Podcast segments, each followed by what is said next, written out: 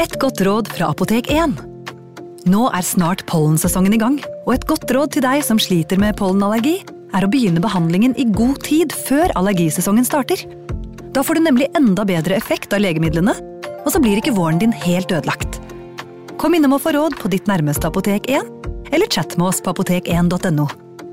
Apotek 1 vår kunnskap, din trygghet.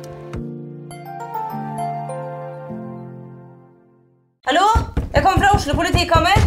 Ine Jansen er purk. Er du purk? The motherfucking bitch. Alt jeg vil, er å finne ut hva som skjedde med mannen min. Jon Carew. Er jeg sikta for noe? Iben Akeli. Det er du. Ole So, Lars Berrum og Big Daddy Karsten. Hvem sin side er du på, egentlig? Anette Hoff, Tone Danielsen, Kommer du fra Afrika? Jørnis Josef, Nesten kløfta. Trond Espen Seim, Det er synd å si det, men det var feil mann som døde. Purk. Premiere tirsdag på TV2 Play. Ungsamtalen fra DNB er økonomisk veiledning tilpasset deg som er ung. Bokk en ungsamtale på dnb.no. slash ung. Det er kjempebra hvis du skal inn på boligmarkedet, hvis det er drømmen din, liksom. Det er det du skulle sagt. Og så kunne du ropt litt mer, da, sånn som jeg gjorde. Bam! Advarsel. Denne podkasten inneholder skildringer av ekte drap og kriminalsaker som kan være støtende for enkelte. Det advares også mot sterke inntrykk i deler av episoden. Har du sett filmen Changeling? Jeg mener ikke skrekkfilmen fra 1980, men dramatrilleren fra 2008, regissert av selveste Clint Eastwood, med Angelina Jolie og John Malkovich i hovedrollene. Filmen er utrolig trist. Jeg husker jeg ble veldig berørt da jeg så den på kino. Ikke nødvendigvis på grunn av selve filmen, selv om jeg synes den er veldig bra. Heller på grunn av at jeg kjente igjen historien. Jeg gikk på college, studerte seriemordere blant mye annet, og hadde selvfølgelig hørt den sanne historien bak filmen. Jeg har alltid undret meg over hvorfor historien er så ukjent for mange, for den er så grusom og så brutal. Hendelsene fikk en hel by til å bytte navn. De ville ikke lenger være kjent for drapene dere nå skal få høre om. Historien handler om drap på barn, ja, men den handler også om to mødre som ønsker å gjøre alt for sønnene sine, og da mener jeg virkelig alt. For er det ikke det mødre, og fedre for så vidt, gjør? De ofrer seg for barna. Den ene delen av historien er lett å sette seg inn i, for der er det snakk om en mamma som mister sønnen sin. Han forsvinner sporløst, og hun leter og leter og leter. Den andre delen av historien handler om en litt annerledes mamma, som gjør alt hun kan for å dekke over det sønnen hennes gjør. Hadde en hvilken som helst mamma gjort det? Selv når sønnen dreper? Vi skal til Los Angeles, til slutten av 20-tallet. Velkommen til True Crime Poden.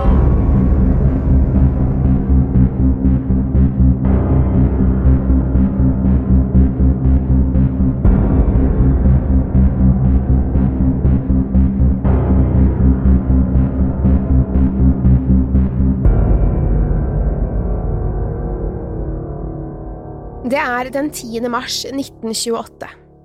Ni år gamle Walter har fått lov til å gå på kino av mamma Christine Collins. Han har fått nok penger til kinobilletten og litt ekstra for å kjøpe seg noe godt å kose seg med under filmen. Kinoen er ikke langt unna der Walter og Christine bor, og Walter har gått strekningen mange ganger før. Han kan veien, og dessuten er det lyst ute. Mamma Christine er alenemor. Hun jobber som telefonoperatør og forsørger sønnen alene. Walters far sitter i fengsel, Folsom Prison, for væpnet ran. Han kommer ikke ut på mange år, så det er bare Christine og sønnen. De to har et godt forhold. Walter er en snill og pliktoppfyllende gutt som holder seg unna trøbbel både på skolen og privat. Om kveldene, hvis Walter er ferdig med lekser, pleier de å lese eventyrbøker. Det er noe de har gjort sammen siden Walter var liten og ikke kunne lese. Nå som han kan det, bytter de på å lese for hverandre. De liker å gå turer, se i butikker og kjøre trikk. Christine Collins ser etter sønnen mens han selvsikkert går langs fortauet mot kinoen. Christine har husarbeid å gjøre, og synes Walter har godt av å lære seg ting på egen hånd, derfor blir hun ikke med denne gangen. Tiden går, og det begynner å skumre ute. Walter skulle ha vært hjemme for en liten stund siden, men Christine antar at sønnen har møtt på noen skolekamerater eller andre kjente, og dermed glemt tiden. Ulikt Walter, men det kan jo hende. Klokken snegler seg av gårde, og det er helt mørkt ute nå. Walter er ikke hjemme. Christine har flere ganger vært ute og lett etter han, ropt på han, men Walter er ingen steder. Hun sitter ved telefonen, i tilfelle Walter kanskje ringer fra en telefonkiosk, gitt at han har igjen mynter etter kinobesøket. Telefonen ringer ikke, og det er helt mørkt i huset nå. Ingen lyder av Walter som romsterer på badet eller snur seg i sengen. Christine har forsøkt å forholde seg helt rolig til nå, men klarer det ikke lenger. Hun bryter ut i gråt og kjenner panikken bre seg over henne som et iskaldt vindpust fra intet. Walter er borte, hun kjenner det på seg. Det er noe som ikke stemmer, Walter ville aldri latt være å komme hjem, ei heller si ifra hvis han skulle besøke noen. Christine Collins ringer politiet og forteller gråtkvalt at sønnen hennes er borte. Konstabelen som tar imot samtalen, sier at de ikke kan lete enda. Sønnen hennes er sikkert bare hos noen venner, kanskje han har glemt tiden? Han skulle vært hjemme for over fem timer siden, prøver Christine seg på, men konstabelen sier at hun skal ringe tilbake neste dag om han ikke er kommet hjem. Fortvilet ser Christine seg nødt til å lete etter sønnen alene. Hun får ikke hjelp fra politiet med det første, selv om det haster. Hun kler på seg varmere klær og går ut i den mørke vårnatten. Hun roper, titter i busker, under biler, hun leter overalt, men finner ikke Walter noe sted. Hun går helt til kinoen, men den er stengt for kvelden. Christine sover ikke den natten, bare ligger og tenker på hva som kan ha skjedd, hvorfor Walter ikke er kommet hjem. Da lyset trenger inn gjennom gardinene neste morgen, står hun opp. Hun ringer politiet igjen, men får beskjed om å vente litt. Hun kan ikke melde sønnen savnet enda, det har jo ikke gått et døgn engang. Sint, frustrert og fortvilet krever hun at en patrulje skal komme hjem til henne, slik at hun formelt kan melde Walter savnet, men blir bedt om å vente til ettermiddagen, kanskje kvelden. Walter kan jo fortsatt komme hjem, nå som det er lyst ute. Kanskje han bare har glemt veien. Christine Collins fortsetter å lete, og får hjelp fra flere naboer som kjenner Walter. Også de vet at han ikke bare ville stukket av på den måten. De roper på ham, banker på dører til andre i nabolaget, men ingen kan huske å ha sett verken Walter eller noe mistenkelig. Christine går igjen helt til kinoen, og denne gangen har hun med seg et bilde av Walter. Hun spør mannen i billettluken om han jobbet ettermiddagen før, og han svarer ja. Christine forteller at sønnen er borte, viser frem bilde av ham og sier hvilken film sønnen hadde sett før han forsvant. Mannen i billettluken ser medlidende på henne og svarer at det var ikke et eneste barn og så akkurat den filmen i går. Kun voksne. Christine har selv forklart at det øyeblikket er det verste hun har opplevd, for det var da det gikk opp for henne at Walter hadde vært borte mye lenger enn hun først hadde antatt. Han hadde ikke engang kommet seg til kinoen. Noe hadde skjedd med Walter i nabolaget der de bodde, og hun beskrev det som om alt blodet i kroppen hennes forsvant. Hun bryter ut i gråt, og mannen i billettluken prøver å trøste henne. Sent samme ettermiddag kommer en politipatrulje omsider til Christine Collins' hus. De gjennomsøker huset hennes, som om de leter etter Walter der, og noterer beskrivelsen av gutten. Den ene betjenten prøver å roe henne ned før de skal reise, men gjør det motsatte.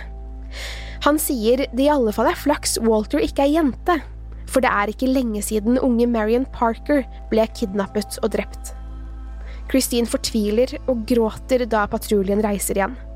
Hun støttes inn i huset av naboer.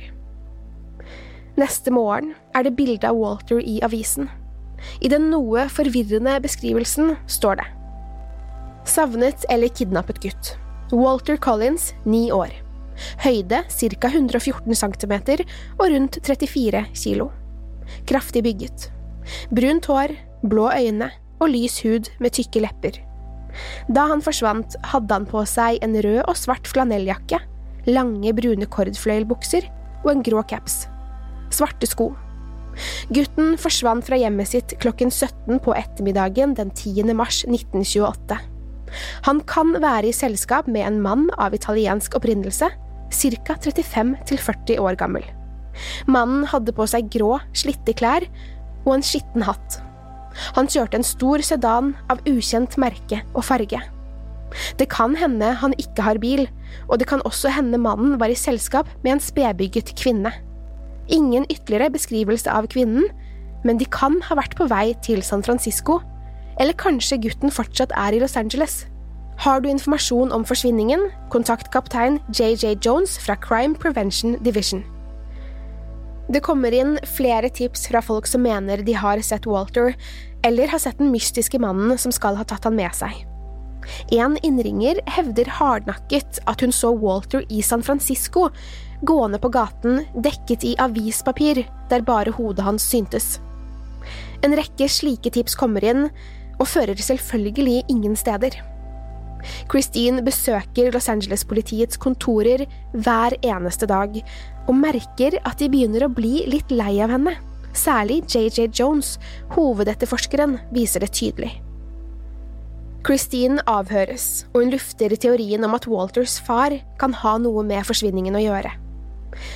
Walters far soner en lang straff i Folsom Prison for et væpnet ran, og har ingen kontakt med sønnen eller ekskona. Men Christine vet hvordan han er, en bråkemaker som lett skaffer seg uvenner. Etterforskerne sjekker faktisk denne teorien, og det viser seg at Walters far har en del uvenner i Folsom. Han jobber nemlig i matsalen med å notere og rapportere de som ikke oppfører seg ordentlig i køen ved matbordet. Walters far er det man annet i fengsel kaller en tyster, og dermed ikke en godt likt mann i Folsoms indre kretser. Han har flere uvenner, men i fengsel er det gjerne slik at man løser konflikter i fengselet, og det virker usannsynlig at noen skulle være ute etter sønnen hans for å ha fått kjeft for å ikke stå pent i køen, eller tatt mer mat enn hva som var lov. Både Christine og politiet ser etter hvert på denne teorien som lite sannsynlig, og den etterforskes ikke ytterligere. Et tips kommer inn som gjør at teorien om kidnapping styrkes. Mrs. Baker, en nabo av Collins, sier hun så Walter sette seg inn i en bil samme ettermiddag som han forsvant. Det var en mann som hadde snakket med Walter, før Walter hadde klatret inn i bilen og satt seg i førersetet. Hun trodde det satt to personer i bilen fra før, mannen som kjørte, og en annen, yngre mann. Selv om dette sporet var lovende, førte det ingen steder. Politiet lette etter mannen med bilen. De tenkte det kunne være samme mann som ble nevnt i avisen, men finner ingen som passer til beskrivelsen. Færre og færre tips kommer inn. Til slutt kommer det ikke lenger telefoner eller brev til politiet. Fremdriften stopper opp, og Christine får beskjed om at Los Angeles-politiet legger ned etterforskningen. Knust og forbannet prøver Christine å argumentere for at de skal fortsette, men det hjelper ikke. Hele sommeren leter hun på egen hånd, uten hjelp fra politiet. Heldigvis har hun gode venner som bistår, men resultatene uteblir. I august 1928, fem måneder etter at Walter forsvant, får Christine Collins en telefon fra Los Angeles-politiet, fra JJ Jones selv. Han kan stolt fortelle henne at Walter er funnet, og han lever.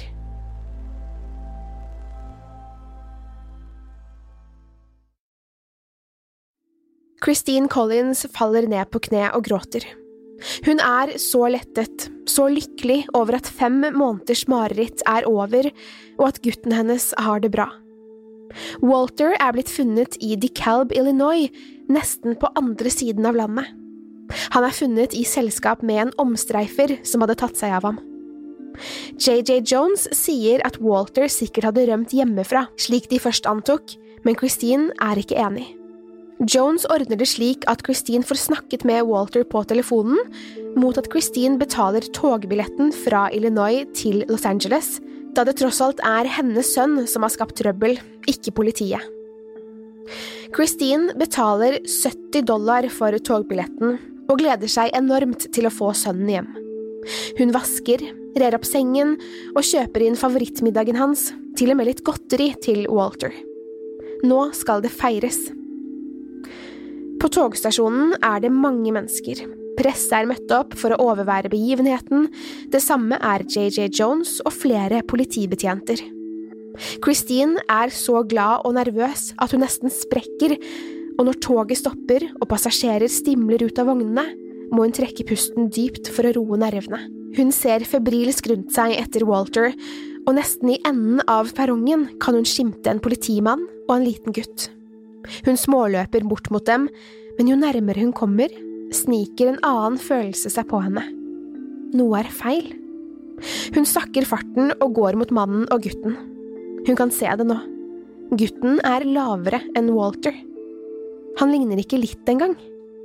Christine kjenner skuffelsen velte seg i magen, og tårene presser på. Det er feil gutt. Christine klarer først ikke si noe, og JJ Jones, som er kommet løpende med pressen på slep, spør henne hva det er. Christine sier at det ikke er Walter som står foran henne, hun er helt sikker. JJ Jones blir irritert og ber henne stille opp på bildet med han selv og gutten som ikke er Walter. Det kan jo hende du ikke kjenner han igjen, det har jo gått fem måneder, er svaret hun får. Christine tar med seg gutten hjem, han kaller henne mamma og later som om han er Walter. Christine ber han slutte å late som, men gutten ser rart på henne og sier at han er Walter. Hun ber venner som kjente sønnen treffe den falske Walter, og de er alle enige. Det er feil gutt. Christine ringer JJ Jones for å overtale ham til å fortsette letingen etter den ekte Walter, og han blir rasende. Han mener hun er utakknemlig, og sier Hva er det du prøver på, få oss til å fremstå som idioter? Eller prøver du kanskje å gi avkall på dine moderlige plikter, slik at staten skal betale for sønnen din? Du er den mest ondsinnede personen jeg noen gang har møtt. Du er en idiot. Han slenger på røret. Den falske Walter må fortsette å bo hos Christine. Hun har ikke samvittighet til å la gutten bo på gaten. Hun fortsetter likevel letingen etter den ekte Walter, og igjen får hun hjelp av venner. Hun innhenter til og med tannjournaler fra Walters tannlege, og får dem sammenlignet med falske Walters tenner. Det er ikke samme gutt. Det har hun visst hele tiden. Hun tar med seg bevisene, og vitner, deriblant Walters lærerinne, og tropper opp på JJ Jones sitt kontor. Jones er forbannet. Han slår i bordet og skriker på Christine, men hun går ikke. Hun nekter å gå før hun får sønnen sin tilbake. Istedenfor at Jones innser feilen som er begått, beordrer han Christine Collins arrestert. Hun kastes inn i en bil og kjøres til Los Angeles General Hospital, sykehuset. Hun føres inn på baksiden slik at ingen skal se henne. De kler av Christine, avluser henne undersøker henne og gir henne sykehusklær. Ikke før Christine blir låst inne i en mørk celle med en benk til å sove på og en bøtte i det ene hjørnet, forstår hun hvor hun er. Hun er tvangsinnlagt på psykiatrisk avdeling. Christine blir tungt medisinert under oppholdet. Hun klarer nesten ikke spise, og hver gang hun prøver å finne ut av hva som skjer, hvorfor hun er innlagt, isoleres hun i timevis, noen ganger dagevis. På samme tid som Christine er innlagt, avhøres den falske Walter Collins igjen, etter stort press fra både media og Christines venner. Det er da det skjer. Gutten innrømmer at han ikke er Walter Collins. Han heter Arthur Hutchkins og er elleve år gammel. Grunnen til at han løy, var fordi han så gjerne ville reise til Hollywood og bli filmstjerne, og siden flere sa han lignet på den savnede gutten fra Los Angeles, bestemte han seg for å utgi seg for å være Walter. Arthur sendes tilbake til foreldrene sine. Det er ikke lenger grunnlag for å holde Christine innesperret, for selv om hun ble lagt inn på grunn av hysteri og sinnssykhet, viser det seg at hun hadde hatt rett hele tiden. Hun var ikke gal, for Walter var fortsatt borte. Ti dager etter at Arthur innrømmet å ha løyet, løslates hun.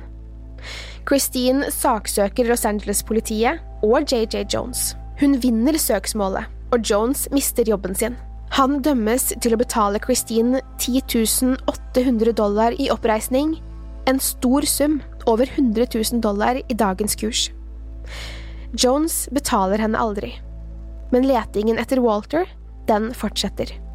I alt oppstyret med løslatelsen, søksmålet mot politiet og kampen for å finne sønnen, skjer det også noe annet i kulissene som kanskje kan løse mysteriet om forsvunne Walter Collins. Et lokalt politikammer i Wineville har fått tips fra en canadisk kvinne. Hun kontaktet politiet fra hjemstedet sitt, Saskatoon i Saskatchewan i Canada. Kvinnen heter Winifred Clark og har nettopp fått hjem eldstedatteren Jessie fra Wineville i California. Winnie forteller at datteren var på besøk hos sin onkel Gordon, Winnies bror. Sønnen hennes bodde på onkel Gordons gård, for Gordon trengte hjelp, han drev en kyllingfarm, og Sanford, sønnen hennes, hadde jobbet for onkelen i over et år. Jesse hadde besøkt broren sin på gården, og der hadde 14 år gamle Sanford Clark brutt sammen og fortalt en grusom historie. Onkel Gordon, eller Gordon Stuart Norcutt, tok unge gutter til fange og drepte dem. Sanford hadde også fortalt om seksuelt misbruk, han innrømmet at han selv var utsatt for overgrep fra onkelen og ville hjem. Politiet i Wineville kontakter Los Angeles-politiet, og sammen reiser de til gården. På gården er kun Sanford. Han virker nedbrutt og sier at onkel Gordon og bestemoren, Gordons mamma, har reist. De er på rømmen. Sanford anholdes og tas med til politiavhør i Los Angeles. Han bryter sammen og hulker høylytt. Det tar flere minutter før han klarer å samle seg. Så forteller han en historie som nesten er for grusom til å være sann. Onkelen, Gordon Norcutt, hadde kjøpt en gård i Wineville. Han hadde et ønske om å drive kyllingfarm der, skaffet seg nødvendig utstyr og kjøpte høner. I begynnelsen hadde det gått greit, Gordon fikk hjelp av moren sin, Sarah Louise, med oppstarten. Da hun etter hvert reiste tilbake til Canada for å bo hos datteren Winifred og barna, ble det verre for Gordon i California. Å drive en kyllingfarm var ingen lek, og han innså ganske fort at han trengte flere å dele arbeidet med.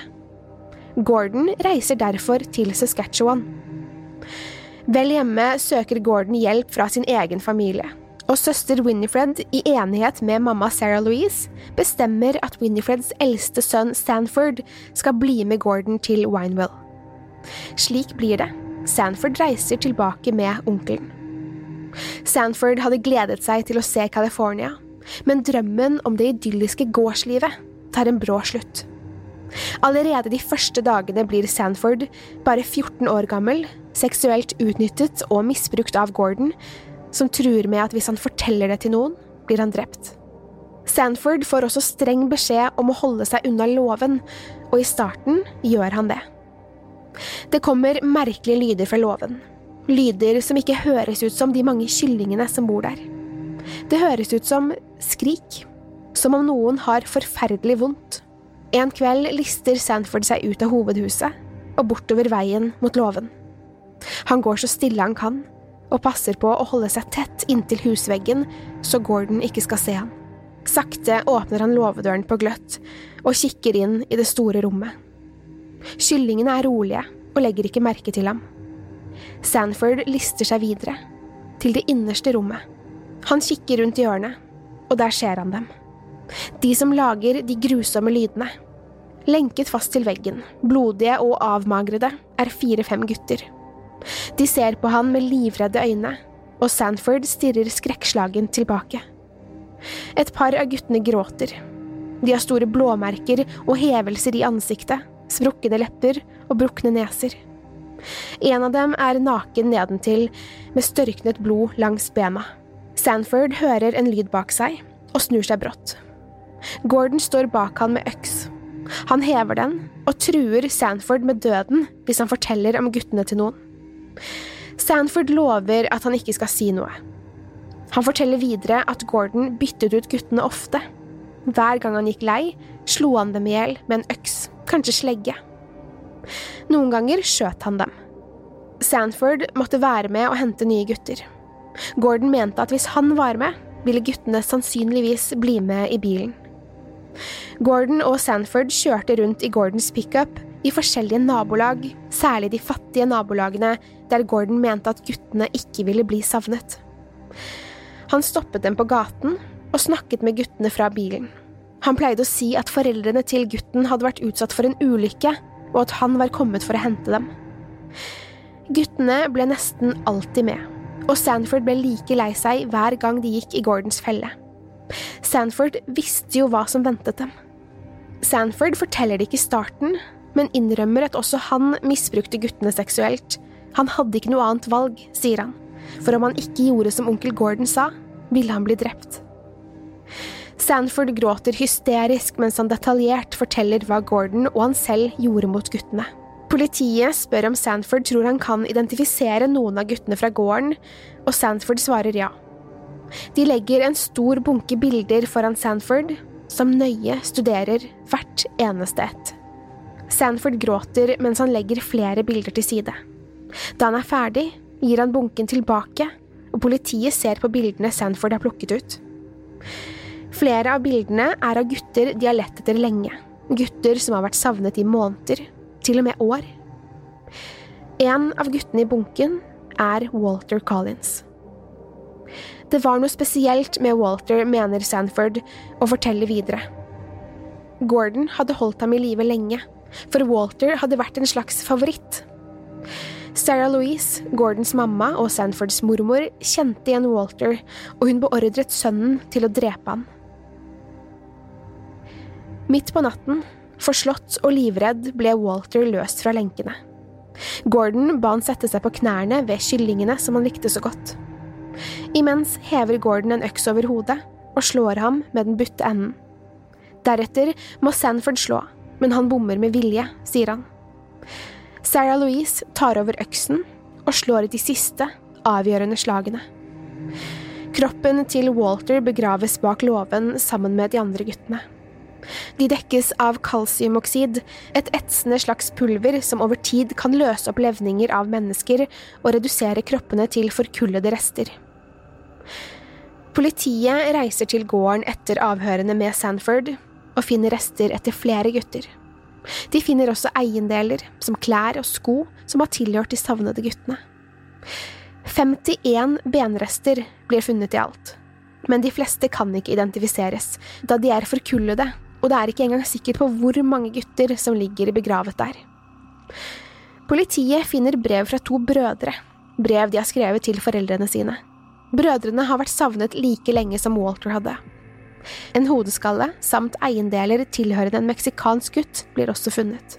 Heldigvis arresteres Gordon Northcutt og Sarah Louise Clark på vei ut av California. De bringes tilbake til Los Angeles og avhøres. Gordon tilstår ni drap i avhør, blant annet drapet på Walter Collins.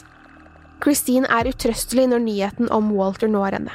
Hun skriker, besvimer og er ute av seg i flere dager. Christine Collins sitter på første rad under rettssaken. Hun stirrer rett på Gordon, som gjør narr av henne og de andre foreldrene. Han ler og fniser i retten. Han representerer seg selv og fremstår useriøs og flåsete. Gordon viser ingen anger. Han ler høyt flere ganger når Sanfords ord leses opp i retten, og når Sanford selv vitner, får Gordon kryssforhøre ham. Sanford skjelver og gråter. Gordon ler. Gordon Northcutt erkjenner ingen mord i retten, og sier at han i alle fall ikke drepte Walter, mens han ser Christine Collins rett i øynene. I det øyeblikket reiser Sarah Louise seg og tar på seg skylden for drapet på Walter. Min sønn er uskyldig, sier hun, og de fremmøtte gisper. Retten tror henne ikke, men tror hun har medvirket til flere av drapene. Gordon dømmes for bare tre drap, på brødrene og den meksikanske gutten. Resten kan ikke bevises, mener retten. Likevel dømmes Gordon til døden. Han skal henges. I fengselet, i påvente av henrettelsen, skriver Gordon flere brev til ofrenes foreldre. Han trakasserer dem og forteller hva han gjorde med guttene, noe som gir foreldrene store psykiske påkjenninger. Han skriver også til Christine Collins og sier at hvis hun kommer til fengselet og møter han, lover han å fortelle sannheten om hva som skjedde med Walter. Christine Collins reiser til fengselet og får møte Gordon i cellen. Idet han ser henne, trekker han seg. Han sier at han ikke aner noen ting om Walter, han sier at Walter klarte å rømme. Christine tror ham. Hun er sikker på at Walter lever. 23 år gamle Gordon gråter mens han støttes opp trappen til galgen. Han er redd, benet hans svikter under ham flere ganger. Foreldrene til mange av de savnede guttene har møtt opp, Christine Collins også. Gordon blir spurt om han har noen siste ord, og Gordon nikker. Han ser på de fremmøtte og sier be for meg, før løkken plasseres og strammes rundt halsen hans. Ikke gjør det, roper han, men bøddelen åpner lemmen, og Gordons kropp faller. Han dør etter kort tid, for kort, mener folkemengden som spytter mot ham. Det er aldri blitt funnet levninger etter Walter Collins, ikke på gården eller andre steder. Det gjorde at Christine Collins aldri sluttet å lete etter gutten sin. Hun giftet seg på nytt, men ble aldri lykkelig igjen. Hun levde resten av livet i den tro at gutten hennes ikke var død likevel. Hun lette etter han hver eneste dag, helt frem til hun døde den 8. desember 1964. Arthur Hutchkins, gutten som løy om at han var Walter, levde et ganske vanlig, men kort liv. Han giftet seg og fikk en datter, men døde av blodpropp bare 35 år gammel. Sarah Louise Clark, Gordons mamma, tok på seg skylden for flere drap sønnen var dømt for, i håp om å redde han. Hun ble spart dødsdommen fordi hun var kvinne, og fikk derfor livstid i fengsel. Hun tilbrakte bare ti år bak murene, og flyttet hjem til Saskatoon, Canada etter løslatelsen. Sanford Clark ble aldri siktet for noen av drapene i Wineville, da retten så på han som enda et av Gordons ofre.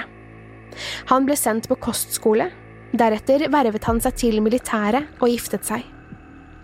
Han og kona adopterte to sønner, for Sanford nektet å få egne barn. Han ville ikke videreføre det han kalte de onde genene han hadde i familien. På dødsleiet fortalte Sanford enda mer detaljert om hva som skjedde på gården i Wineville. Selv om mye av det han fortalte ikke er mulig å verifisere, og forfatteren har fått mye kritikk for å ha overdrevet berettelsene, fortalte sønnen Jerry Clark hele historien til true crime-forfatteren Anthony Flacco, som førte den forstyrrende historien i pennen. Boken heter The Road Out of Hell, Sanford Clark and The True Story. Wineville finnes ikke lenger. Byen byttet navn til Miraloma i 1931 for å kvitte seg med den belastende historien. Likevel finnes gården i dag. Den ble aldri revet, og blir ofte besøkt av de litt mer ekstreme true crime-entusiastene. JJ Jones fikk tilbake jobben og betalte aldri Christine Collins oppreisningen for behandlingen hun fikk. True Crime-podden er produsert av moderne media. Mitt navn er Pernille Tufte Radeid, og jeg vil takke Håkon Bråten for produksjon, lyd og musikk. Dersom du liker denne podkasten, gi oss gjerne fem stjerner i iTunes. Til neste gang, pass på deg selv, og takk for at du har hørt på True Crime-podden. Moderne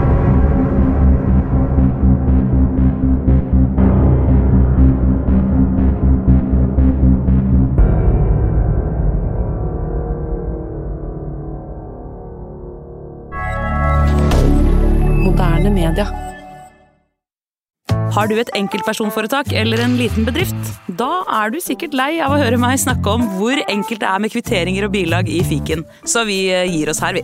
Fordi vi liker enkelt. Fiken superenkelt regnskap. Hei! Takk for at du lytter til True Crime-podden.